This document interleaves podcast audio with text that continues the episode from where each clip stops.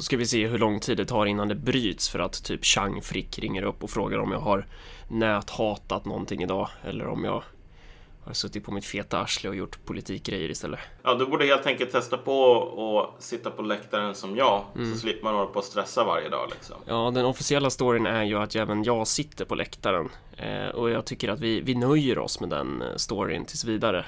Eh, så kanske det kan komma en vacker dag då man säger Titta här. Ja, precis. Men fan, eh, det är så jävla nice att se hur folk, alltså responsen på våran podcast, att jag, jag tycker mig märka av mer och mer positiv respons. Eh, och det är ju allt ifrån eh, Dan, Dan Eriksson på motgift som, eh, som tycker att vi driver den, att det, är skamligt att Sveriges mest intressanta podcast just nu drivs av kommunisterna Marcus och Malcolm. Vi har fått lite frågor och sånt också. Eh, delvis undrar Josef eh, om vi skulle kunna diskutera eh, en artikel i Proletären som handlar om att man vill ha ökade resurser till polisen för att kunna lösa brott och så vidare. Det känns som att det är väl en fråga som vi överlag kommer behandla, kanske inte då med just en referens till Proletären, men att det är det har tydligen varit någon diskussion i den här Nej, jag tänker, jag tänker inte säga den gruppens namn, för det, den, den har fått så mycket uppmärksamhet i vår podcast redan. Men eh, Ja, precis. Men det här är ju en grej som har varit inte bara i, i den här gruppen utan överlag så har det ju blivit jättebråk om det här med polisen nu. Just på grund av att det visar sig att när man håller på och säger att vi behöver inga poliser och så och, och, och så blev det så. försvinner de liksom. Ja. Så blev det så mer eller mindre. Så, är, så, så, så återstår massor med problem. Och folk vet inte riktigt hur de ska hantera det. Så en del börjar ju skandera efter typ mer poliser och andra säger ja men vet du vad, vi behöver arbetarmakt ungefär. Men det här är ju klassiskt för en ideologi och liksom en politik i djup kris. Så vi kommer att komma till det förr eller senare helt oavsett vad proletär, proletären skriver om det. Ja. Sen är det ju massa människor som eh, skriker om att de vill ha fler poddavsnitt oftare och sådär. Men det, vi, vi, vi siktar på att försöka hålla ett i veckan tills vidare i alla fall. Det kommer vara Ja, svårt att prutta ut två nu. Vi hade Ja, ju det som precis. nyårslöfte inför 2016 då. Det gick ju åt helvete bara. Eh, Men, eh, och sen har vi också... Mitt Europa bygger inga murar och min, min podcast ska inte hålla på att komma ut en gång i veckan. Det bästa när man säger en sån grej är så här bara Mitt Europa bygger inga murar. Vänta, by the way, eh, eh, fick ni med mitt yrkande om att vi ska stänga gränsen? Alltså det är ju just det. riktigt så tvära svängar. Hur som helst, Henning från Uppsala, från Ung Vänster Uppsala, eh, undrar om eh, vad vi tycker om cannabis också. Den här Ja, jävligt dju- djupa politiska frågan som jag, jag ser nu he- hur hela den liksom kultureliten som lyssnar på oss nu sitter på nålar inför, inför det här svaret om den här jättestora avgörande frågan. Är de för en legalisering av cannabis eller är de för ett förbud? Jag känner att det där är en sån där fråga som man egentligen inte vill svara på. Därför att alltså, det, det, det är ungefär så här, ungefär som prostitution. Ja, när det gäller liksom inom vänstern. Då, det går inte att ha en åsikt om prostitution inom vänstern utan att hata kvinnor. Av den enkla anledningen att alltså, antingen så är du typ för en legalisering och då hatar du kvinnor. Eller så är du emot en legalisering och då hatar du kvinnor. Liksom. Vad du än väljer här så kommer folk att se det på liksom vardera sidan här och se det som ett bevis på att du är en omänskligt monster ungefär. men det jag känner med cannabis är ju att jag skiter i. Alltså jag är så här, Mm. vad är det som ger önskade resultat? Vad är det vi tjänar mest Ja, på? exakt. Och det är ju så Jo. vi får väga den frågan helt enkelt. Om det innebär att man ska legalisera skiten, ja men jag har inga problem med det i sådana fall. Om det innebär att man ska ha ett fortsatt förbud, ja men då får vi ha det så. Jag är bara inte liksom säker på vi får du, du får fan sätta dig och gräva i den där frågan Malcolm. Det börja. finns, ju, kolla, det finns ju massor med subkulturer här som, Ja. är, en, alltså, som är ungefär funkar på samma sätt. Okej, Mm. Du hatar inte kvinnor här men du antingen så är du någon form av drogliberal eller någon jävla Fascist. superfascist Ja. eller något sånt. Liksom. Men jag menar eh, så, så det där är ju det klassiska exemplet på en fråga som man alltid får. Man, kan, man får bara fiender om man väljer någon sida här. Men det som man kan säga här är väl att alltså, i slutändan idag så lever vi i ett Sverige där en person kan lägga ut liksom video på sig själv och sin kompis som håller på och typ gruppvåldtar någon utslagen tjej på Instagram. Och så kommer mamman och med, med den här videon till polisen och polisen säger jaha det här var ju intressant. Kul video, tack för att du delar med dig av den. Eh, låt oss fortsätta ä- äta ostbågar och kolla på TV typ. Liksom. Vi har inte tid med det här. Så givet att det att man verkligen måste arbeta för att liksom bli fast för gruppvåldtäkt liksom. Även om du lägger ut bevismaterial mot dig själv på Instagram.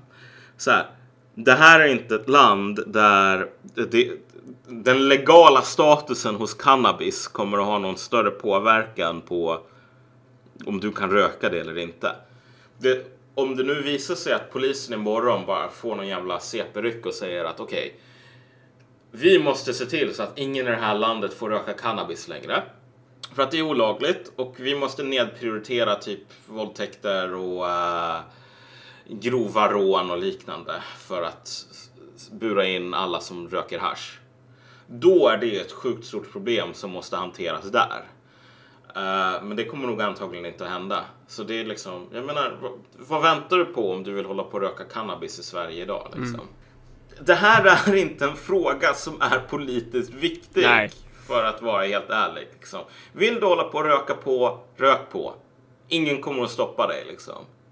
Eh, så när vi har löst de problemen som faktiskt är på allvar, då kan vi hålla på och börja diskutera den här. För då kommer polisen att hålla på och börja lägga näsan i blöt när det gäller sånt. Mycket mer än vad den gör Ett idag. annat problem som är på allvar är, är ditt jävla namn.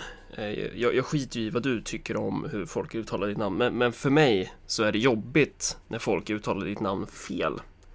Ja, Jag, du blir triggad. jag blir triggad. Jag tycker det, jag börjar svettas. Eh, vad heter du? Malcolm Tjejune. Tjejune.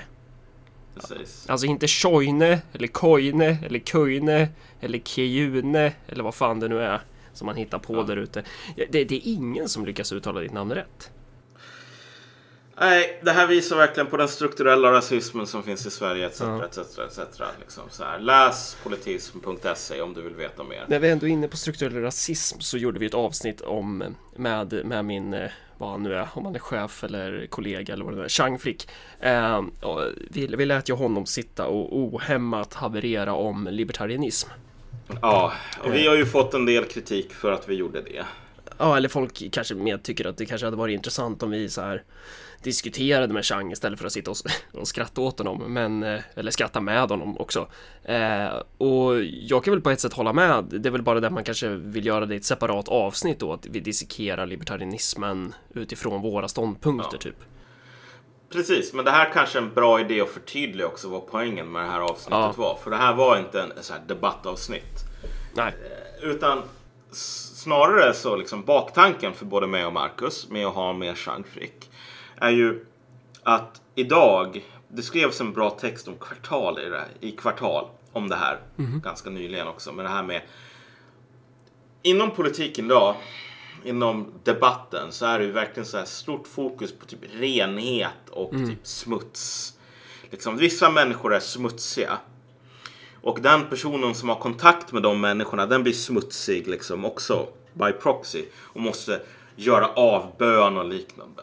Och vi har ju sett det här, alltså med just Marcus och Malcolm en gång i tiden för, för ganska länge sedan. Då var det ju det här fortfarande en podd som man lyssnar på om man var lite så här trendig inom typ vissa delar av vänster. Så kom vi med alla de här hemska åsikterna nu, du vet köpa SDs berättelse, bla bla bla liksom. You know the drill. mm, att det, ser att det man alltså- heter att vi gör så ja. Ja, det heter det. Och så ser man människor som på fullaste allvar säger så här att typ du har sagt positiva saker om Marcus och Malcolm. Det här är någonting som är problematiskt. Du behöver liksom göra avbön för det här. Eller be om ursäkt eller något sånt. För det skulle jag göra om jag hade sagt någonting fint om människor som senare visar sig vara hemska monster. Liksom. Helt oaktat att de här hemska monstren kanske hade rätt i just den här frågan så är det liksom statusen som oren som spelar någon roll. Och vi ville helt enkelt genom att bjuda in Chang Frick liksom inte legitimera hans jävla libertarianism för jag tycker den är jävligt löjlig. Utan bara visa att så här, vi är fan monster. Och vi har inget problem med att umgås med människor som är smutsiga. Alltså, om du är intresserad av politisk renhet, då kommer inte du hitta en vän hos oss. Vi, det här poängen var ju att liksom nästan stöta bort en viss sorts människor. Den sortens människor som får någon sorts jävla liksom psykbryt av att tala med folk som inte håller med en själv. Ja, men de, de här idioterna som tror att vi är gifta med dem liksom. Och man, man har suttit och skrikit i två år nu bara Låt mig vara. Vi, vi hör inte ihop bara. Varför säger, Exakt. du, varför säger du så? Vi är ju samma sak. Bara, nej, nej. Ja. Så här, hittar dem i ens badkar typ och sitter där och stirrar på en. Man bara Men gå härifrån! Och så sitter de kvar Ja. där. Och. Nej men alltså, men kolla i slutändan så här. En av de grejerna som är så himla tydlig idag är ju att det finns väldigt många som typ tycker att ja, men jag är jätteradikal, jag håller på med politik, men jag kan inte acceptera människor som inte tycker exakt som jag. Det här är en attityd som inte hör hemma inom politik. Alltså, håll det till dina jävla kompisgäng i era slutna grupper på Twitter och Facebook. Så här. Kom inte att tro att ni har någon som helst jävla relevans ute i verkligheten eller att vi har någon som helst tålamod med det. Eller att någon som är politiskt relevant kommer att ha något tålamod med er. Ni, alltså, det funkar inte. Den attityden funkar inte. Och när vi ändå är inne på det här med obehagliga personer och det här med renhet så kanske vi ska hoppa in på avsnittets ämne helt enkelt. Ja, Eh, och det är ju det här med Sverigebilden. Jag tänker att under veckan så har det varit en jä ett jävla härj. Det säger jag varje gång det har hänt något. Men eh, det, det har ju verkligen varit ett jävla härj kring eh, det här att Donald Trump helt plötsligt lyfte upp lilla Sverige och började prata om att Sverige hade problem och grejer. Och då finns ju massa grejer man kan lyfta ut ur det här och prata om och så. Men en sak som jag tycker är som jag tänker att vi kan börja med det är ju den här att Katarina Janouch var med i SVT Opinion. Eh, och du, du hade inte sett det va? nej det har jag inte. Men Jag- jag kan föreställa mig hur det var ungefär. Ja, alltså hon skulle då debattera mot Anders Lindberg från Aftonbladet, våran egen lilla favorit som vi för fan har tillägnat ett helt avsnitt åt någon gång. Eh, Ja, det var han som skrev den här eh, Voldemort, typ politik är som Harry Potter och vi har massor med... Mm, ja, det jag, var han som skrev det? ja, jag tror det var han. Eh, det var han vi gjorde ett avsnitt om i alla fall. Jag minns inte riktigt vad texten handlade om. Jaha, ja, jo men han är ju, oj shit. Ja. Han är ju den största idioten i Sverige, herregud. Ja, han i alla fall. Eh, han ska då debattera med Katarina Janouch om Sverigebilden och, och det här med fake news och du vet, you know the drill. Eh, och så står då den här eh, SVTs, eh, hon programledaren för SVT Opinion, Belinda Olsson då, vars primära uppdrag är att avbryta alla människor som börjar komma till sak.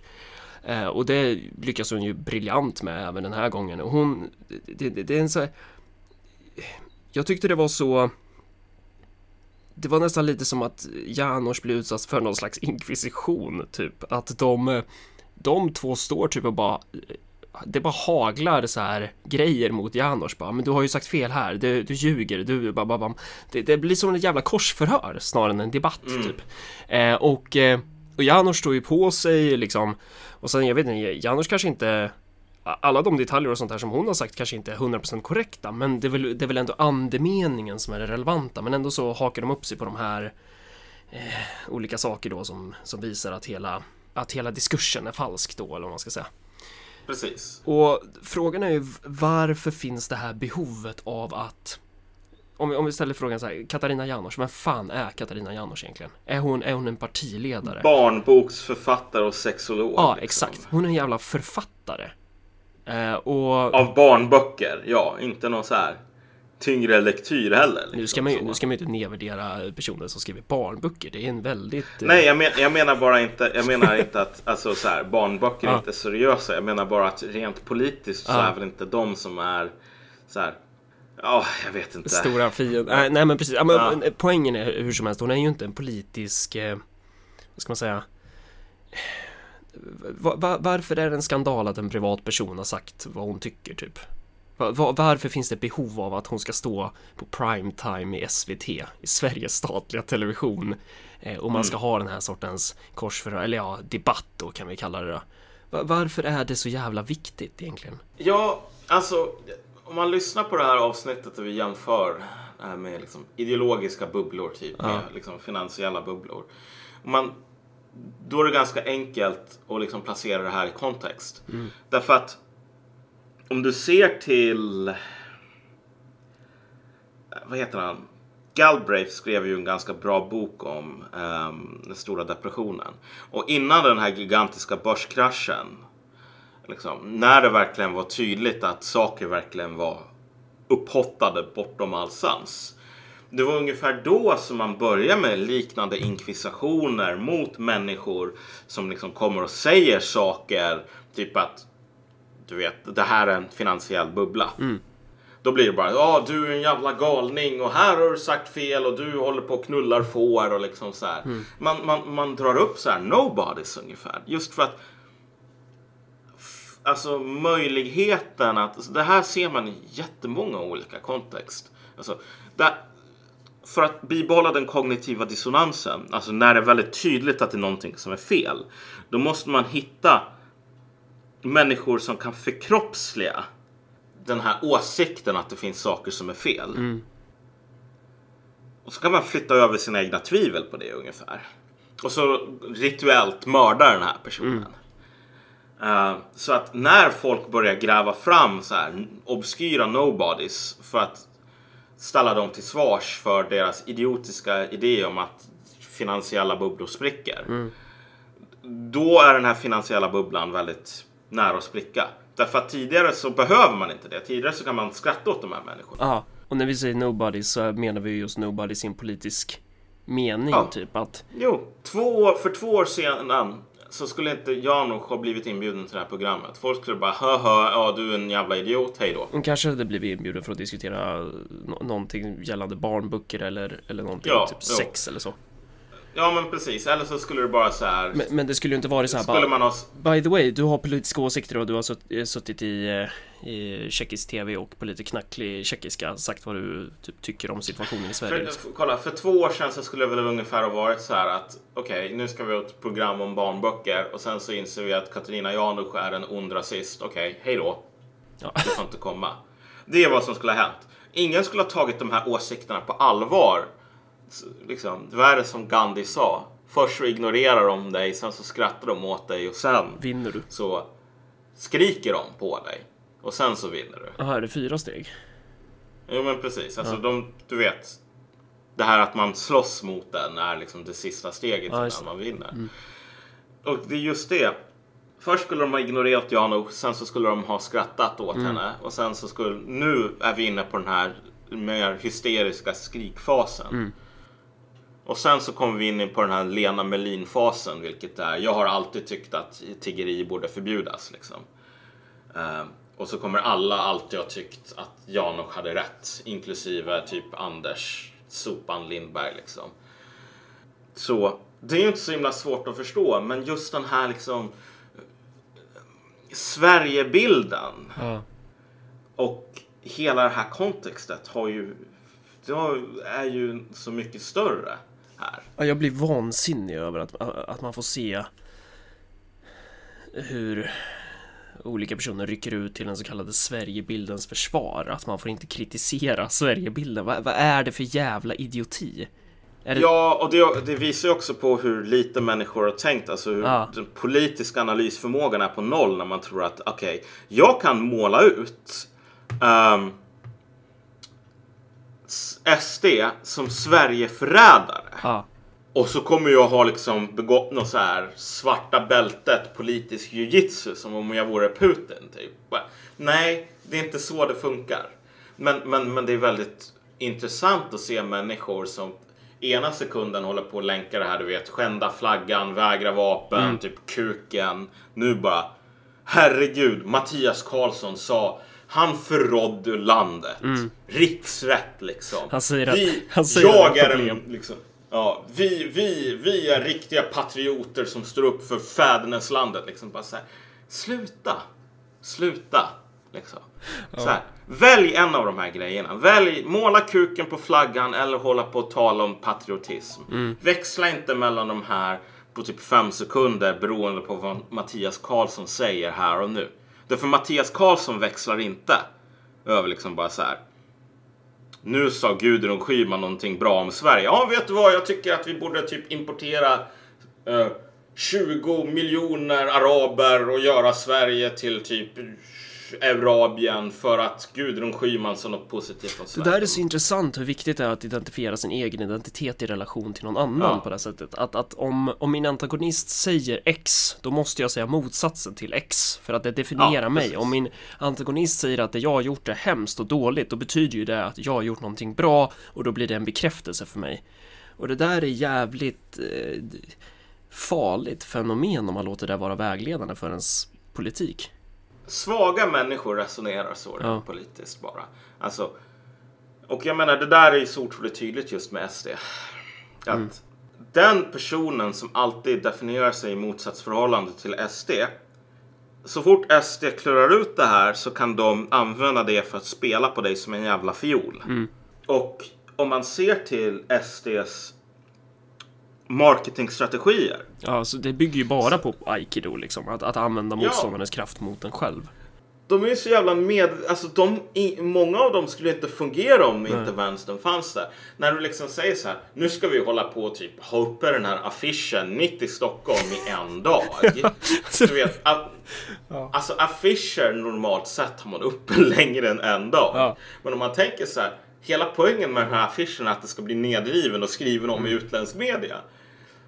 Då är det här skitsmart. Och man vet ju att ens motståndare är så himla förutsägbara så att jag kan säga så här att jag tycker att det är bra med välfärd och så kommer folk i vänstern och säga jag tycker att det är skitbra med typ vinster i skolan. Ja, det var väl till och med att Kristdemokraterna hade lagt någon motion i riksdagen om att man ville typ erkänna något folkmord som IS hade begått och då kunde ju inte Hans Linde från, det där, från Vänsterpartiet då rösta för den Ja, motionen för att det är ju, exakt. det är ju fel eh, avsändare. Det, är verkligen på den nivån Ja. det är liksom. Totalt, alltså. Det är som de här jävla parasiterna som kravlar upp i myrors hjärnor. Och sen får de här myrorna att bara gå upp på så här trä, äh, grässtrån och bara vänta på att bli uppätna av kor. Därför att den här parasiten liksom förökar sig i kors innanmäte typ. Eh, det är på den nivån liksom. SD är de här parasiterna och typ såna här vänsterliberaler, det är de här idiotiska myrorna som bara kontrolleras, fjärrstyrs. Men, ja men när vi talar om den här Sverigebilden så, det som är viktigt att poängtera är väl också att det här har blivit en skitstor grej i svensk media. Det har inte alls blivit en jättestor grej typ utanför Sverige. Eh, därför att utanför Sverige så säger man bara ja men okej Sverige har problem. Det här har vi vetat hur länge som helst. Så här, What's the news? Det är bara typ i USA där man inte bryr sig om omvärlden som det här är. Så här bara oj, vi som trodde att Sverige så såg ut som så här fylke och det var så här mm, snygga tjejer i varje gathörn och som slogs mot älgar liksom. Och, och hade på sig vikingahjälmar liksom. Oj, det finns massor med problem också. Intressant. Men, men det är jättehemskt för människor i Sverige att folk i USA börjar typ inse det som alltså, inte är några nyheter för någon i Norge eller Danmark eller Tjeckien egentligen. Därför att våran självbild är ju så beroende av den stora andra här. Ja men verkligen och jag skulle vilja dra in en liten eh, Twitter-liknelse på sättet så som man definierar sig själv, alltså så som man skapar sin identitet i relation till någon annan.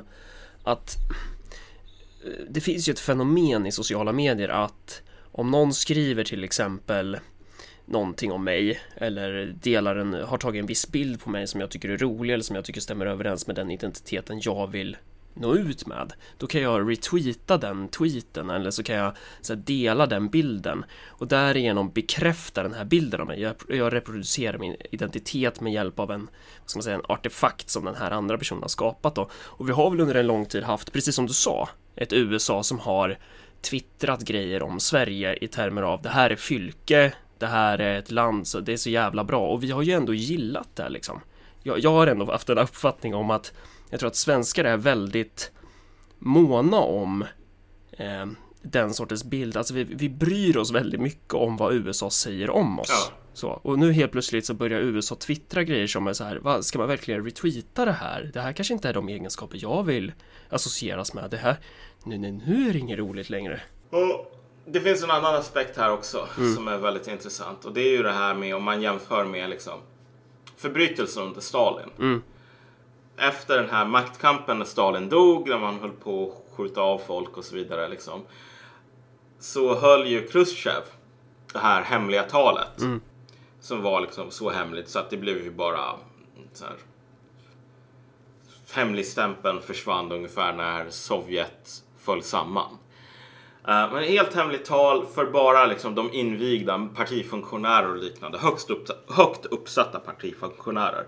Det går inte att vara en högt uppsatt partifunktionär i Stalins Sovjetunion utan att veta att det finns massor med Gulag och liksom människor blir skjutna till höger och vänster.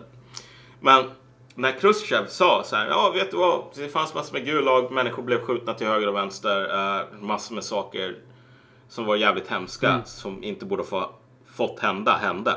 För människor som redan visste det här. Man hade alltså ett jävla läkarteam närvarande för att man tänkte att det är bättre att vara liksom better safe than sorry.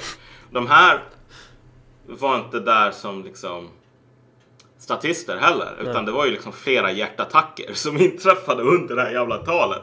Hjärtattacker hos människor som redan visste allt det som Khrushchev sa. Och det är ju, men det är ju för att mänsklig psykologi funkar så att när du vet någonting som är jävligt jobbigt eller hemskt så kan du hantera den här kunskapen. Du kan oskadliggöra den genom att ehm, tänk, föreställa dig en virtuell person, den stora andra är liksom den tekniska termen. En virtuell person som inte vet det här, som inte vet att liksom, det var massor med förbrytelser i, i, i Sovjet. Och så kan du göra den här personens naivitet, liksom, okunnighet till din egen. Liksom. Det, det, det blir liksom ett spel som du spelar, ett rollspel där hela poängen är att skydda den här virtuella personen från den här hemska sanningen. Och då kan du skydda dig själv från den hemska sanningen. Och sen så kommer någon och säger det som alla redan vet. Det som du vet är sant. Och då försvinner möjligheten att skydda det här virtuella liksom, barnet. Typ. Det är ungefär som jultomten. Hur det funkar. Att typ vuxna låtsas att, eh, att jultomten kanske egentligen inte är till för barnen, även om vuxna Nej. säger så typ. Nej men precis, det är så här. Vuxna låtsas som om jultomten finns. Ja. Och så säger de här vuxna att vi låtsas därför att alltså, det, det skulle vara så hemskt för barnen innan. Mm. Annars liksom. Och sen så kommer pappa in utklädd som jultomten och så säger barnet ja hej pappa. Ja, det- Och så, Det där är ju Liksom. exakt vad som hände mig på julafton. När brorsan kom utklädd till tomten och min brorson bara Ja, pappa. Och så och då, då blir det ju så här Jaha, då, då fattar ju han eh, Den här jävla fyraåringen då att Det där är ju inte tomten. Det är ju det är ju min bror liksom. Men ändå så ska man då prompt spela med i den här idiotiska traditionspjäsen och bara nej, nej det är ju tomten ju. Det här är ju men, men grejen, är ju, grejen är ju att så här, en fyraåring har en hjärna som inte är 100% utvecklad. Mm. Det är liksom lite smartare än en schimpans typ. Eh, och det här är ju otroligt ageism av mig och liksom så här. Ja, det är fan diskriminerande. Jag får be honom skriva en debattartikel till Nyhet 24 om att han är kränkt. ja, de kommer ju ta in den också. Ja. Men alltså, men, men så här, i, i min värld så här, det, typ barn, små barn det är som apor fast lite roligare liksom. Ja. Men det, det är okej, det, det, det, det ska de vara också. Men de är ju smarta nog, det måste man ge dem credit för. Alltså, de, de är ju inte dumma. De är smarta nog för att fatta att okej, jag måste spela med här. Därför att annars blir mina föräldrar ledsna. Så liksom, en fyraåring är kapabel att luska ut det här, liksom, den, den, den, den psykologiska kartan här. Vilket är att, okej, jag, min roll här är att låtsas vara naiv så att mina föräldrar kan tro att det finns barn som är kapabla att tro på jultomten. Liksom. Därför annars så kommer de och liksom Blir ledsna. Ja, men ja, precis. De vuxna kommer att bli ledsna Ja. om det inte finns barn som inte tror på jultomten. För det är ju inte direkt som om när den här fyraåringen inte fanns. och vi fir- firade jul ihop och det var bara så kallade vuxna människor med då. Eh, då det var ju inte direkt som om någon klädde ut sig till tomten då och kom in genom dörren. Det, det är ju en grej man gör för barnet så. Nu sparkar jag in en ganska öppen dörr. Jag tror att alla vet Ja. att det är. Men, ja. mm. Det här, det här är eh, bara liksom väldigt kort sidospår som vi inte ska göra någon sån här lång utläggning i. Men alltså, men, men tänk på det att, talar ju mycket om det Tänk här. på det att ni inte liksom klär ut er till tomte Ja. när, ni, när, när ni bara är med. Det, det blir fel då. Jag, jag hörde mig själv exakt. nu från dina hörlurar tror jag. Jaha, konstigt. Ja, får se om det hörs i mikrofonen sen. Skitsamma, vad skulle du säga? Zizek? Ja, nej men precis. Ja, men Zizek talar ju om det här, det stora andra. En sak som han tar upp som jag tror kan vara sant är ju bara att, så här att våran syn i väst idag på så här barns sexualitet är ju sån att nej, men de har ingen sexualitet alls. Det finns inte Ja. liksom. Och det har ju blivit så att pedofili, det är ju liksom kardinalsynden. Det finns ingenting värre än att vara pedofil. Och jag menar om man ser till historien bakom de här föreställningarna så är ju det här någonting relativt nytt. Typ att så här. Jag tror att i samband, det här är i alla fall hans teori, det kan ligga någonting i det. Att alltså i samband med det här att vi gick från slut, slutet på den här viktorianska eran typ. Och nu ska alla hålla på och typ knulla varandra liksom på barnprogrammen för att visa för barnen typ så här. Liksom. Nej men du vet, eller nu när det är så jävla tillåtande allting Ja. och liksom folk, vuxna människor uppmuntras hålla på och experimentera sexuellt och liksom allting sådant och alla ska Alltså det, det, det liksom blir en statusgrej nästan. Alltså, Du ska inte vara den som har tråkigt sex. Så. Då behövs det fortfarande någon som man kan låtsas vara så här totalt oskyldig på något plan. Och då skyfflar man över den rollen på barn ungefär. Eh, På ett sätt som man inte har gjort innan. Eh, Men alltså det, det, det är inte det som det här avsnittet handlar om. Men jag tycker att det är bara en intressant sidospår just att jag tror att vi har nog aldrig trott, haft mer så här inbitna föreställningar om barns oskyldighet här än vad vi har idag. Och Det känns Och tror att- överlag som om man använder barn rätt ofta. Man producerar sina egna jävla politiska åsikter på de där ungarna hela tiden. Man använder dem Ja. som så här motivering till varför man ska driva igenom sin egen politik typ. Ja men exakt, exakt. Det är ju, och jag tror att det har också mycket med, med liksom ämnet att göra det här med. Det såg man ju i samband med typ Trump till exempel. Att så här, massor med liksom, det. liberaler höll på att säga så här, ja men vet du vad, min fyraåring kollar på typ TV och sa någonting så här om typ Trump. Och min reaktion blir ju alltid, för jag är ju liksom, du vet en jävla grinch. Det är bara så här, ja okej, vet du vad, nästa gång jag vill ha politisk analys från någon som äter snor. eh, då eh, läser jag typ vad Anders Lindblad Berg har att säga. Liksom.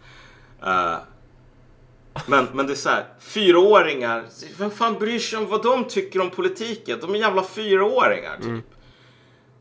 Eh, men, men du vet, det blir hela tiden det här fyraåringen, eller barnet som någon så symbol för någon så här, den ultimata mm, naiviteten, oskyldigheten som i sin tur ska ge någon sån här djupsinnig politisk analys. Liksom. Men egentligen så är det bara den stora andra.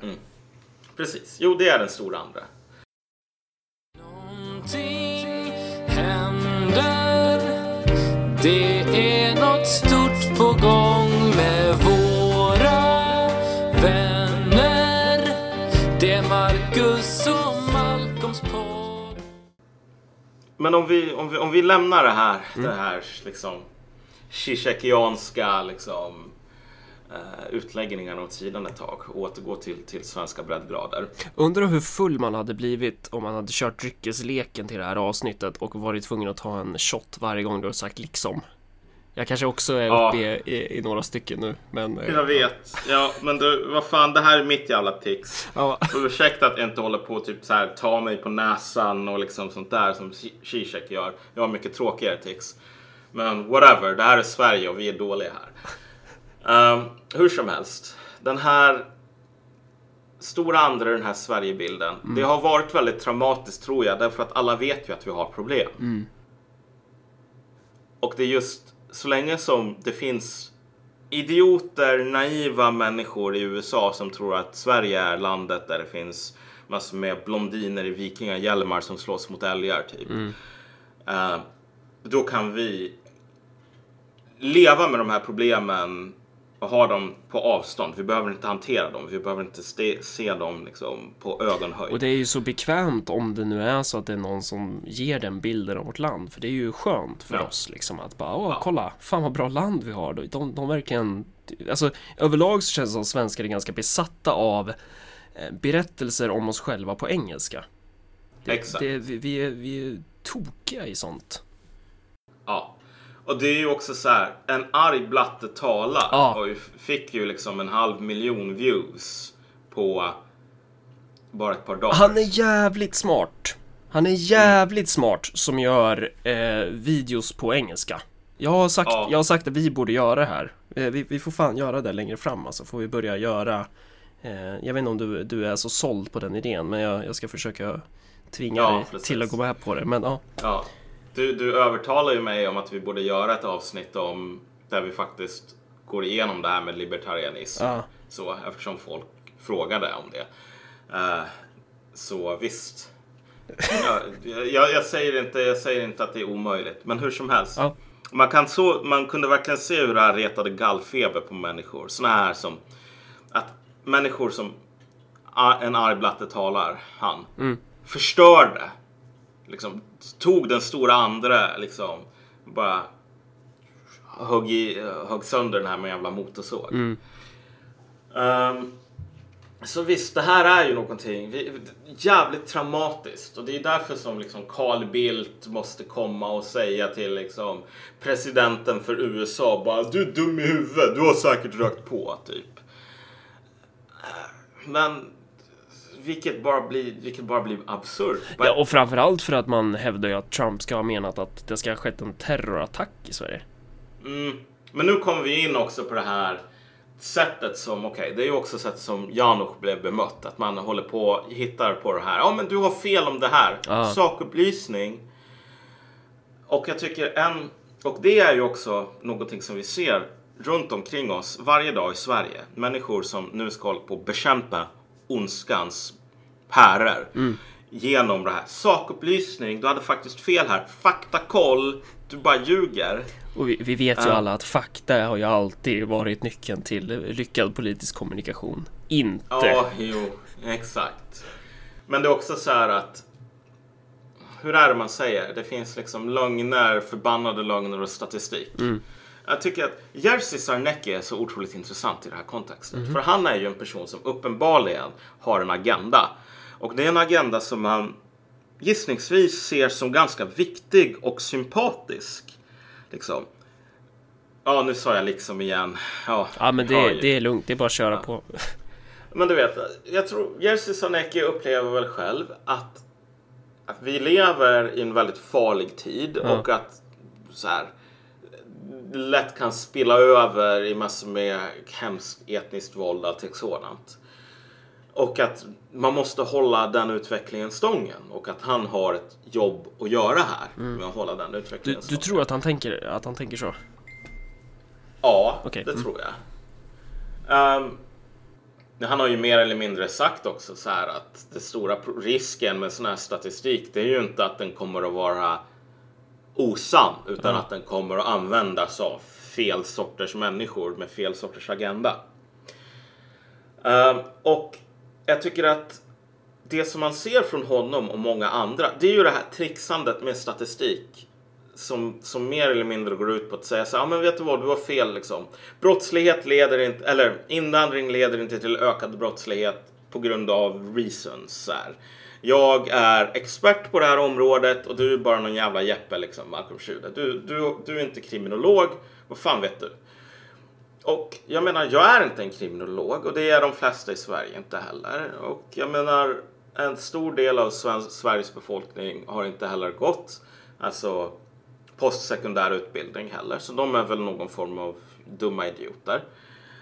Uh, problemet är bara så här att människor är faktiskt inte dumma i huvudet. Och vi kan ta Uppsala som ett exempel på, på hur den här metoden som Sarnecki använder och många andra, alltså den är socialt värdelös. I Uppsala nu så kan man läsa, till och med i den här pissiga lokaltidningen som jag får i brevlådan trots att jag inte prenumererat på den. Sådär. Vilken är det? Är det UNT eller? Nej, alltså UNT är ju en riktig tidning. Det här är någon så här liksom gratis tidning. Jag vet inte, typ Vi i Uppsala eller något sånt. Okej, ja. Mm. Eh, men där kunde man till och med läsa så här. Heroinproblemet är ett skenande tåg. Och vad är heroinproblemet? Jo, det är så här. Senaste två åren, tror jag tidsramen är, så har du gått från att typ noll till ungefär en 100, 90 till 100 personer tror jag det är, senaste siffrorna. Ensamkommande flyktingbarn, en del från Marocko, en del från Afghanistan. Som har allvarliga problem, alltså beroendeproblem med rökheroin. Uh, och det har lett till att du har sett en, ett skifte i karaktären rån som begås i Uppsala. Därför att det finns ju så här människor som håller på och rånar andra brukar ju ha någon sån här modus operandi, typ väskrån till exempel. Det brukar finnas någon nivå av specialisation. Man brukar tänka så här, men vilka offer riktar jag mig mot? Vad är det jag vill ha? Vill jag ha deras väska? Vill jag ha deras mobiler och så vidare? Och så väljer man liksom offer utefter det. Så det finns folk som specialiserar sig på råna pensionärer till exempel. Men nu så har du sett mycket mer alltså urskiljningslös och bara så här random um, personrån. Där poängen är att det liksom finns ingen plan och man kommer över väldigt låga värden. Så här, man kan råna någon på 200 spänn ungefär. Men det spelar ingen roll för 200 spänn det är ungefär vad det kostar att få en till fix. Så att, okej. Okay. Karaktären hos den här allvarliga drogproblematiken i USA, eller USA, vad säger jag, Uppsala. Uppsala, Sveriges USA. Uh, den karaktären har ändrats. Karaktären hos personrån har ändrats som en följd av det här. Kriminaliteten ser annorlunda ut idag. Var, var, varför är det... Är det att de är så jävla desperata så att de går på vem som ja, helst? Precis. Ja, ja, men jo, men precis. Om, om, om du rånar för att upprätthålla liksom bara ditt, ditt drogbehov, mm. alltså ditt, ditt behov av att få in mer heroin jag menar, beggars can't be choosers, mm. som man säger. Sa du också att eh, heroin är liksom motsvarigheten till alkoholism typ i vissa länder? Ja, ah. alltså det här är ju också det som är problemet här med, mm. med den här Sarnecki-bilden att jo men invandring påverkar inte sådana här saker. Om du tänker dig det är inte som om Arbetsförmedlingen sitter så här. Okej, okay, det här året så har vi ett behov av 90 rökheroinister här i Uppsala. Du Tommy, du får bli rökheroinist. Mm. Och sen så kommer det typ 90 ensamkommande flyktingbarn och så säger man ja men du det här tycker jag är en skitbra arbetsmarknadspolitisk åtgärd. Tommy, du får sitta på bänken i A-laget och så sätter vi de här människorna i enkla jobbet. Rök heroin. Mm. Stå och deala det vid resecentrum. Det är inte så det funkar. Om de här ensamkommande barnen inte hade kommit till Uppsala så skulle Uppsala inte haft ett problem med rökheroin. Och det är väldigt svårt, den verkligen enkla sanningen, att försöka motbevisa den genom olika faktaupplysningar. Mm. Därför att sakförhållandet i tid, liksom, orsakssambandet är så himla enkelt. Liksom. Typ, inga flyktingbarn, inga problem med rökheroin. Men anledningen till att det är du kan dra ett likhetstecken mellan just typ flyktingbarn och rökheroin är ju på grund av att i den muslimska världen så får man inte dricka alkohol. Det här är liksom en, en, en grej som inte är tillåten typ. Eh, surprise, surprise. Och lika mycket surprise, surprise så är det ju så här att så här, varje jävla land måste ha sitt A-lag. Eller motsvarigheten till det. Uh, och eftersom du inte... Måste ha. Ja, jo, jo. Ja, men alltså, men, ja, ja, men det, det, det, är ungefär så det blir förr eller senare. Liksom. Men om du, inte kan, om du inte kan hålla på och typ droga med alkohol, mm. vilket är sättet som man gör i Ryssland och Sverige och många andra länder. Okej, okay, men så här. Alternativet, och det här är ju inte förbjudet, det är typ hash, heroin. De sakerna är socialt acceptabelt att hålla på med. Mm. Och som en liksom data point här för att visa liksom hur stort problemet är i den här delen av världen. Så som bekant så, har, så invaderade USA Irak och Afghanistan på 2000-talet. Och så har massor med amerikanska soldater dött för att soldater dör i krig. Under den här tiden som USA varit i krig i Irak och Afghanistan har mer iranska gränspoliser dött i eldstrider med drogsmugglare än vad amerikanska soldater har dött i strid i Irak och Afghanistan kombinerat. Det, det är rätt jävla sjukt alltså. Ja, men jag menar det här är ju den delen av världen där liksom det är ganska enkelt att komma över en Kalashnikov för det första. Ehm, och jag menar det, är så, det finns så otroligt mycket pengar i, i, eh, i att smuggla det här. Och liksom heroin är så himla billigt. Så Iran har ju ett gigantiskt problem. Jag vet inte, det är så här tvåsiffrigt belopp av befolkningen som åtminstone har testat heroin någon gång tror jag. Så. Eh, så visst. Är du, sä- är du Det- säker på den? Jag är ganska säker på den. Alltså, nej, jag vill inte svära på det, men Nej. det är antalet människor som har testat heroin i Iran är verkligen mycket, mycket större än vad det är i Sverige, självklart. Alltså gigantiskt mycket större. Ehm, så att det här är ett stort problem i den delen av världen. Okej, och när människor från den delen av världen kommer dit så för de med sig sina seder och bruk och sina problem. Så att, att hålla på och säga sådana här saker som nej men vet du vad, det här är bara en lögn eller det är att köpa SDs världsbild eller liksom så här att invandring för med sig problem. Det är bara så här, om vi inte hade haft mottagning av ensamkommande flyktingbarn så skulle det inte ha stått människor och typ rökt heroin i resecentrum i Uppsala. Och då, då syftar du väl främst från personer från Afghanistan typ? Ja, exakt. Jag menar, det kanske skulle ha funnits en eller två i Uppsala. Det skulle inte ha funnits i 90 stycken. Ehm, det fanns det inte innan. Så att och försöka övertyga någon med en så här, ja men vet du vad, jag har pluggat på högskolan, jag är expert så här. Att, vem kommer du att lita på? Mig? Eller dina jävla lögnare till ögon? Det är, ju, det är ju det som man säger till folk så här. Litar du till mig eller litar du, eller litar du på mig eller litar du på dina egna ögon som ljuger för dig? Det är bara det att folk som går förbi resecentrum eller sådär, något annat ställe. Och det som folk är oroade över i Uppsala är också att alltså nästa steg det är ju att folk börjar injicera heroin. Och då kommer du hitta massor med jävla kanyler och liknande i, eh, i den här jävla tunneln under spåren. Så. Eh, och folk som ser de här kanylerna då, de kommer ju fan antagligen inte att lita på Jerzy Sarnecki. Och de kommer inte att lita på honom heller när han är liksom talar sanning. Nej, precis. Vilket det, är den stora risken. och det är ju det där som är hela medias jävla... Så där går det ju. Om man ska Ja. hålla på sådär. Eh, Och frågan är ju så här, vem hjälper man? Vem fan är det man hjälper om man inte bara kan säga ja, kolla. Här har vi ett problem.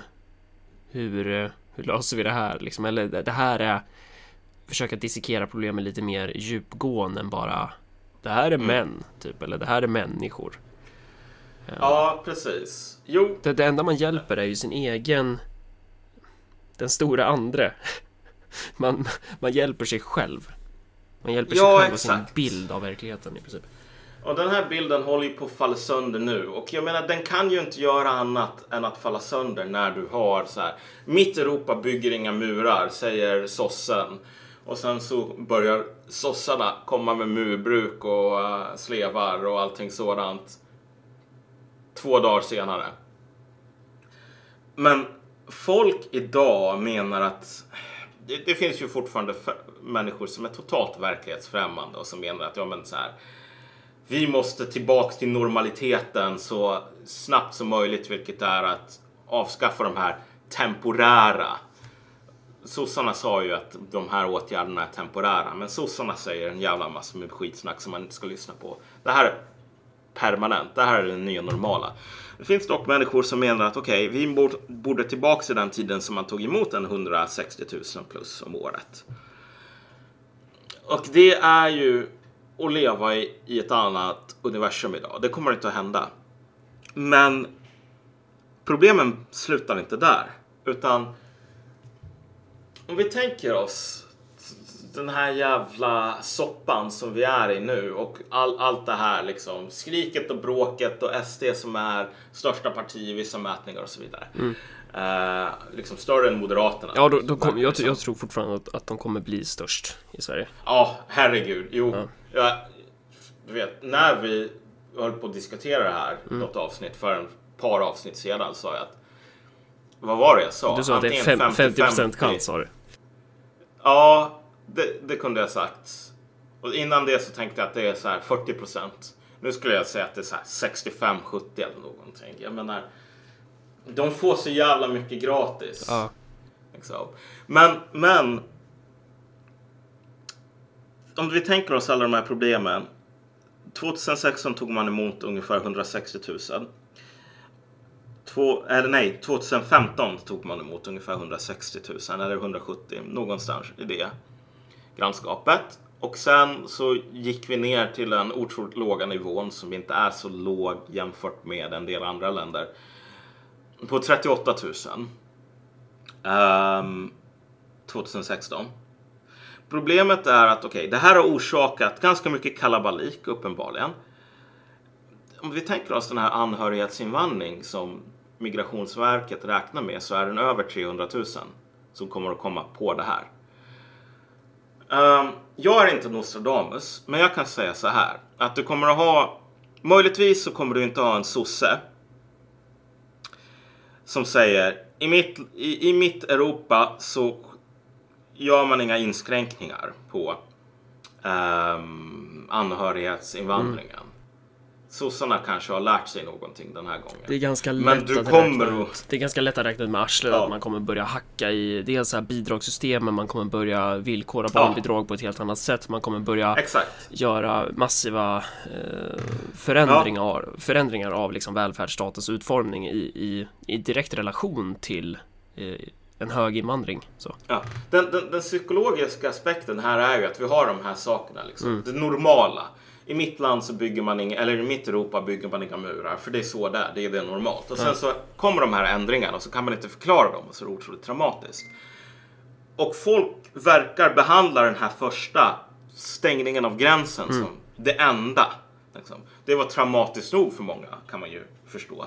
Men det här är bara början. Som sagt, nästa grej kommer att bli anhörighetsinvandring. Människor som kom hit i tron om att de kunde ta hit sin fru och barn. Eller andra i sin familj. De kommer att få reda på att nej, det blir inget. Så här, jag vet att det var det som vi sa, men det blir inget. Så här, håll käften, det blir inget.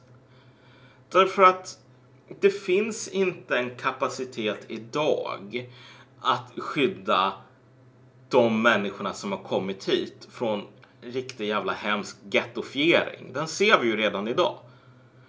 Det finns inte kapacitet att ta emot mer än dubbelt så många som de som vi har tagit emot nu. Och det, det finns inte resurser.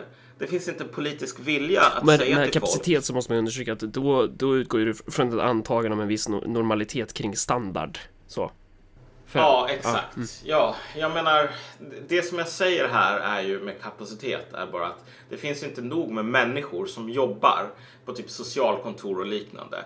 Och det finns inte heller en kapacitet att ta in Även om vi hade oändligt med pengar, alltså vissa problem går inte att lösa bara genom att kasta pengar på dem. Nej. Och jag tror att vi, vi hamnar, alltså vi talar ju om det här med Kalifornien, vi använder ju det som ett exempel någon gång. Ja, Med- torkan i Kalifornien eller? Ja, precis. Att det där är ett sådant problem som, alltså folk behöver flytta förr eller senare därför att Det spelar ingen roll hur mycket, hur mycket pengar man har, man kan inte bara köpa vatten av naturen så. Nej, så. Och jag tror att vi hamnar på, på, på, på ett liknande territorium när det gäller flyktingmottagande och Migrationsverkets förmåga att utföra arbetsuppgifter och liknande. Men den andra grejen som du, du var inne och nosade på är ju bara att den nästa grej som händer och det här är någonting som kommer att vara sjukt mycket mer traumatiskt än stängda gränser. Det är att det kommer att vara differentierade regler för människor som är svenska medborgare och människor som inte är det när det gäller tillgång till välfärd. Alltså antingen så kommer SD att införa det här eller så kommer SD inte att hamna i regering och då kommer det vara Vänsterpartiet som inför det här istället. Liksom. Och sossarna och Miljöpartiet eller vilka det nu blir. Alltså. Och det är ju inte svårt att räkna ut hur det, hur det där också kommer vara på ett sätt som jag menar vinstintresset ljuger ju inte. Har du möjlighet att anställa någon som har mycket lägre trygghet i samhället Mm. så kommer du ju göra det till en tiondel av normala lönen. Så, så att det blir ju en... Fan, det är ju så jävla mycket kring det här egentligen. Men eh, ja, Men, men, men alla är i en sån otroligt stort rävsax här Ja. eftersom man sa någonting som var så uppenbart osant, Mm. vilket är att det här kommer inte att kosta dig, svensk medborgare, någonting. Mm. Det här är, du vet, pengar finns, bla bla bla, det går skitbra för Sverige, högkonjunktur, etc. etc. Så här. Vi har ingen kris Mm. här, öppna era hjärtan. Eh, liksom, hylla Reinfeldt, bygg en staty till honom kan man läsa Mm. om i liksom, Aftonbladet. Och det där är ju så uppenbart fast. Så uppenbar, en fyraåring kan räkna ut att det där Och det är där är också en, en intressant grej som man, som man pratar om, att man inte ska måla ut en motsättning mellan invandring och eh, vad, vad, vad kan annars vara? Alltså välfärd. Så. Ja, men, det är ju bara nonsens. Ja, det är ju fel. liksom. Alltså, det, det är ju till och med en motsättning mellan pensionärer och, och ungdomar förutsatt att det är två poster i budgeten. Det handlar ju om Ja. va, vart ska man allokera resurser. Eh, och, och just nu så har vi då, om vi ska gå in på Sverigebilden, alltså vi har svenska vänstern som rycker ut återigen då till försvar av status quo. För att det är ju där man är, eh, är till för att försvara. Och som kommunist så känner jag bara så här att det är ju skitbra att Donald Trump öppnar den här luckan. Det här det här är ju öppet mål liksom. Vi har mammor som nu föder barn i bilen uppe i Norrland. Ja, att, den, den, den första födseln Ja. inträffade ju nu. ja igår liksom. Efter att de la ner Och hon, hon fick gå ut med den där jävla nagel, navelsträngen mellan benen så här halvnaken i minusgrader i snön för att politikerna tyckte att de skulle spara 15 miljoner. Alltså 15 miljoner, det är ju ingenting. Ingenting är det i, i sett till den budgeten som Västernorrlands landsting har. Men det, så, så det där handlar väl lite om en, någon slags ideologi hos de här politikerna också. Men, men att, så här, att komma att försvara Sverigebilden Fan vad vidriga människor ni är alltså. Det, det vi borde göra är att bara visa så här, ja kolla Sverige har enorma problem och de är mycket, mycket, mycket djupare än bara invandring. Vi kan snacka Ja. om invandring, absolut, men vi ska snacka om allt. Vi ska snacka om den här jävla parasitära kartellen av politiker, kapitalister och mediala eliter och vad fan de gör med det här landet. Ta tillfället i akt. Eller så kanske det är alltså så att man, man råkar vara en del av den här kartellen och då kanske man inte är lika Okej, intresserad vet du av vad? Men, men, men här har du också ett stort problem, Mm. vilket är att du är för snäll mot vänstern. Normalt sett så brukar det vara tvärtom, men här säger jag att vad du inte tar upp här är det djupa hyckleriet och den djupa fegheten i vänsterns standardsvar på den här frågan, vilket Mm. är typ så här. Mer eller mindre det här. Kajsa Ekis Ekman skrev ju någon artikel typ. Om du menar det här med banker och... Ja men precis. Alltså, varför håller vi på att tala om det här? Banker tog ut 100 miljarder Ja. i vinst eller någonting. Vi säger att det är 100 miljarder. Och typ flyktingmottagningen kostar bara 50 miljarder. Som om det här vore ett argument som bevisar att alltså, den här motsättningen mellan olika grupper inte skulle existera. Om vi bara tog de här pengarna. Det är ju bullshit! Det är så jävla idiotisk bullshit så att det inte finns. Mm. Och det är så jävla, Därför det är så att- jävla antimarxistiskt på något sätt att hålla på med den sortens...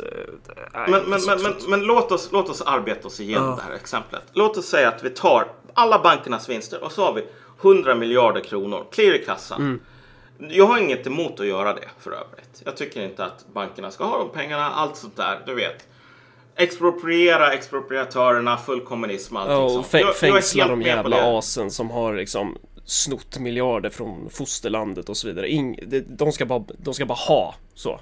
Ja, jag är helt med på det tåget. Problemet är bara så här att okej, 100 miljarder för det första.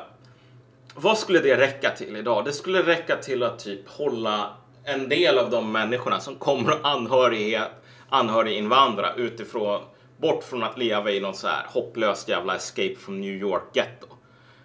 Sen så kommer de pengarna ta slut. Men det är också så här att okej, vad gör du när du har bränt igenom de här 100 miljarderna? Därför att poängen är väl att vi skulle använda de här 100 miljarderna till att inte stänga gränserna någon gång. Därför att det är hemskt och inhumant att stänga gränserna. Okej, om du inte stänger gränserna så kommer mer människor att komma in. De kommer att höra shit, Sverige tog just 100 miljarder kronor från bankerna som de ska lägga på folk som kommer hit. Så här, oj, jag är 16 år och jag är från Syrien, kom jag just på. Så jag åker dit.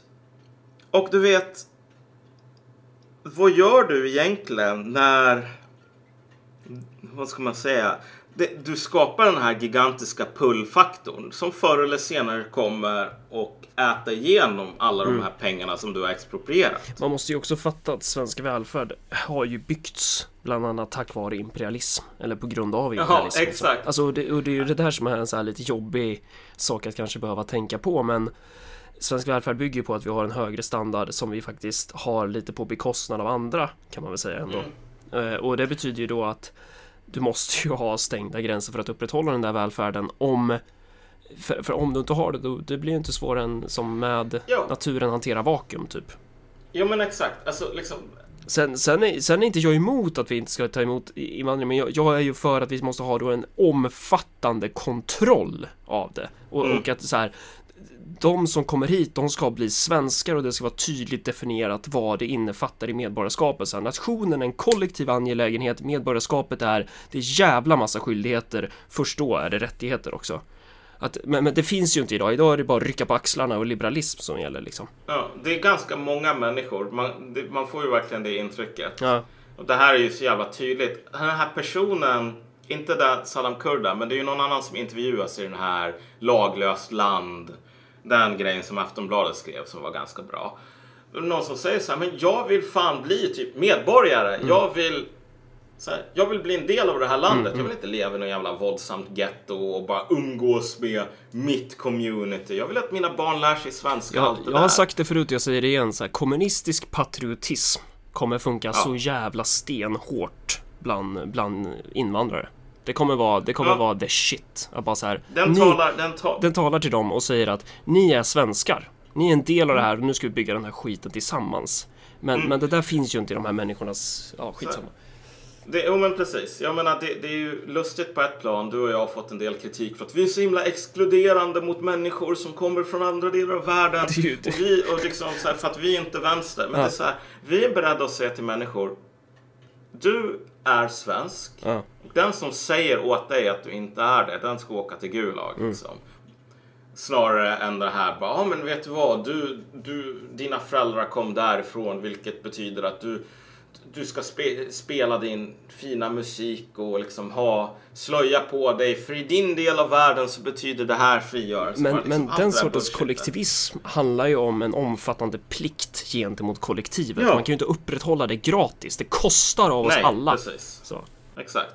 Men, men för att återgå till min tidigare poäng det Mm. här med liksom, vi tar pengar från de rika. Ja. Förr eller senare, det är som att trycka på snusknappen. Mm. På, ja, du kan sova i, eh, i alla fall med de summorna som vi talar om idag. Uh, nu är det inte så att du bara kan säga så här, oh, hej banker, jag skulle vilja ha alla era vinster, jag vill inte att ni flyttar de här pengarna utomlands. Liksom. Det är inte så det funkar. Men även om det funkade så, de här summorna som vi talar om, 100 miljarder hit, 50 miljarder dit, 200 miljarder dit, det är fan ingenting. Det är ingenting jämfört med så här, om du sa okej, Sveriges gräns är öppen, alla som vill får komma hit, alla som lider så här, okej, du skulle behöva 100 miljarder första året och nästa år skulle du behöva 200 miljarder och så vidare. Och sen så skulle du ju självklart ta med dig alla de här problemen från andra delar av världen som du inte kan bota bara med pengar typ. Ta heroin. Heroin beroendeframkallande substans. Eh, om du säger så här. Nu har vi höjt socialbidraget med 15% det här året och vi kommer att höja dem med 10% nästa år. Hur många heroinister kommer då att säga så här? Oh, wow! Nu tänker jag sluta med heroin. Nu är inte heroin beroendeframkallande längre liksom. Det är inte många som gör det. Du vet, du, du kan inte lösa det här kemiska faktumet i liksom heroin, beroendeframkallande substans, genom att höja barnbidragen med 10%. Du behö- det här är ett problem som du fortfarande behöver hantera. Typ. Här kommer folk bara svara att du är raljant så. Ja, men i slutändan, Men poäng... vad ska man vara? Ja, alltså, ja, det går ju inte att bota alla problem med pengar. Så här, kulturella aspekter är väl ändå, och det där är väl en del av en kulturell aspekt så, som har, har att göra med vad, vad, vad som var lagligt i hemlandet, liksom vilken sorts kultur med droger man hade där. Nej så, men ja, jo, men alltså kolla, jag förstår inte riktigt vad det är som är raljant med att säga så här att okej, människor som kommer att komma till Sverige, människor som har kommit till Sverige, har drogproblematik som ser annorlunda ut än i, den ser ut i Sverige. Grövre, i alla fall när det gäller typ ensamkommande flyktingbarn. från Afghanistan. Ja, om man inte är någon sån här jävla postmodern bara norm liksom. Vad är egentligen grov drogproblematik och är det inte bara dina normer som säger att heroin är dåligt liksom? Okej, ja. Mina normer säger att heroin, det är fan ganska dåligt. Ja. Eh, och utifrån de normerna så kan man väl säga så här att det här kommer att orsaka ganska mycket problem. Så du kan inte ge någon en 500-lapp och säga okej, men nu ska inte du vara heroinist längre. Så här. Och det kommer att finnas människor som säger, men vet du vad? Jag vill inte ha massor med kanyler på centralstationen. Jag röstar på SD. Ja, och det kommer att finnas människor som, som i veckan nu så skrev en artikel om den här jävla vänsterpartisten Karin Rågsjö som sitter i riksdagen för Vänsterpartiet. Eh, Hon, eh, hon hade fått ett mail och hon skröt om det här på sin Facebook. Att hon hade fått ett mail från någon eh, random person som skrev typ Hej, eh, är du värd min röst? Och så hade han några så synpunkter på hur kommer det sig att vi lägger ner sjukvården här i Västernorrland samtidigt som vi har råd med invandring? Och hennes svar till den här väljaren var ju liksom Du är rasist, eh, jag, jag vill inte ha din röst. Eh, Jag kan länka den artikeln sen på på, på vår Facebook eller vad fan det nu blir. För att, för att det är så talande för den här sortens syn på människor att, att för det första väljare är ju inte dumma i huvudet. Alltså jag hade ju svarat den här väljaren bara ja, jag förstår din oro. Jag känner också en oro och tillsammans kan vi lösa det här på det här och det här och det här sättet. Men va, varför finns inte det i deras liksom arsenal? Istället så är det bara så här man bara avfärdar det här som rasism, som fiende. Men i slutändan så är det ju för att man inte har någon lösning. Nej, exakt. Och sätta sig ner och säga så här, okej vi löser det här på det och det och det och det sättet. Mm. Det är så här, det är ungefär som vi ska ta det här ringklockan typ. Vad gör jag efter att jag har gått upp på morgonen? Mm. Vad sysselsätter jag mig med? Det är en fråga som man kan ha olika svar på. Men att trycka på snusknappen och få varje gång man trycker Mm. ligga kvar i sängen 10 minuter till. Det löser ingenting. Nej. Alltså, det är ju inte ett svar på den frågan. Och vad vi har idag är ju massor med jävla präktiga vänstermänniskor som låtsas som att ja men vet du vad, om vi tar 50 miljoner därifrån. Då kommer vi inte att ha liksom, det här problemet med Okej, dels vissa saker går inte att lösa med pengar, men förr eller senare så tar pengarna slut om du har den här attityden att gränserna ska vara öppna, vem som helst får komma och så vidare. Därför att folk kommer att säga “Don't mind if I do”. Och precis som du säger, det här levnadsstandarden som de här präktiga vänstermänniskorna har är ju betingad på, liksom, den, den grundar ju sig på att alla inte kan leva så. Men att alla inte kan leva så betyder ju inte att alla inte vill leva så. Och därmed inte Så- sagt att, att välfärd är betingat av kapitalism. Men, Nej. men, men det är ju just dit jag skulle vilja komma som kommunist bara. Utmärkt! Sverigebilden är utmanad. Låt oss krossa den ännu mer. För att vill vi Sverige väl, då ska vi ha en kritisk diskussion om allt. Vi ska lyfta fram alla jävla problem och vi ska använda oss av det. Vi ska rida på den här mörka jävla vågen till våra mål istället för att sitta kvar här och runka status quo. Precis. Ja, ja men uh, i slutändan. Chauvinism är ett stort problem. Ja, Och det ser man ju till och med i förorten när det är människor som säger så ja men du, det där är en import typ.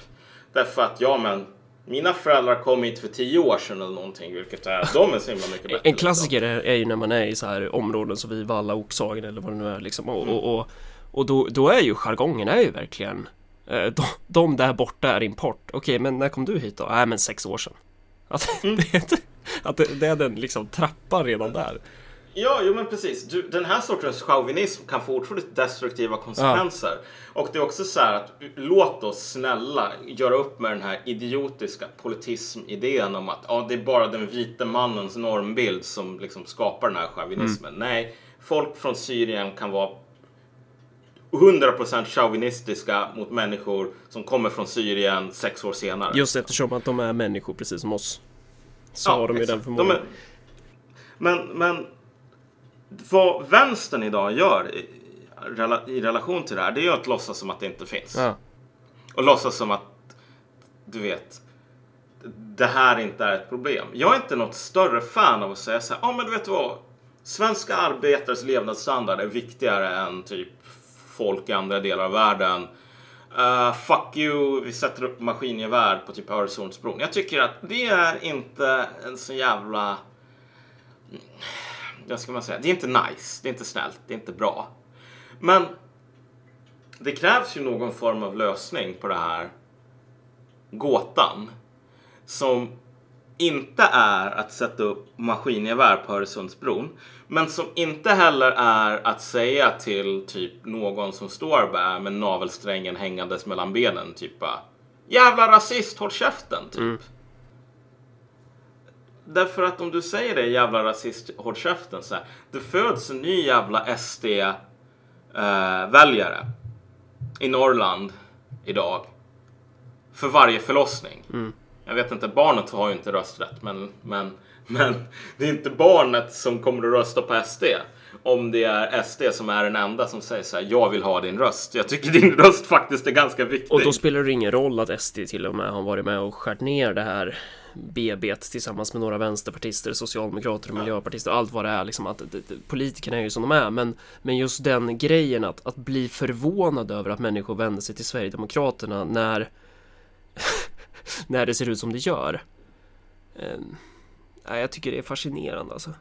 Själv, Mm. alltså överlag så, så blir jag vansinnig på det här att, att man ska hålla på och, och försvara status quo överhuvudtaget. Alltså se, det, se kaoset som en möjlighet. Var det Ja. inte Mao som sa så? Det är kaos under himlen, läget är perfekt.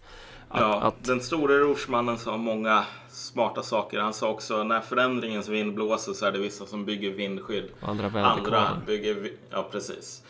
Ehm, och jag tänkte att det kanske blir det som vi talar om nästa avsnitt. För nu har vi ju talat lite grann om det här Sverigebilden och så vidare. Men jag tänkte att nästa gång så kan vi gå in på mer det här hur en politik måste se ut som faktiskt kan entusiasmera människor i som inte är rödvins jävla eh, Anders, vad heter han nu? Sopan på Aftonbladet. Jag orkar inte ens komma ihåg vad han heter för att han är så himla dålig. Härskarteknik. Ja, Eh, de här jo. marxistsnubbarna, Marcus och Malcolm som... Ja men, men förlåt, förlåt, men nu, nu blir jag raljant. Men han är bara så... Han, jävla sopa! Herregud. Eh, jag ska inte uppehålla mig med hur dålig han är, för då blir jag aldrig klar. Utan, hur som helst. Om du ska vara någon som inte är någon sån här rödvins, vänster, fyrväljare, allting sådant. Eller liberal eller vad det nu är man lägger i. Ja.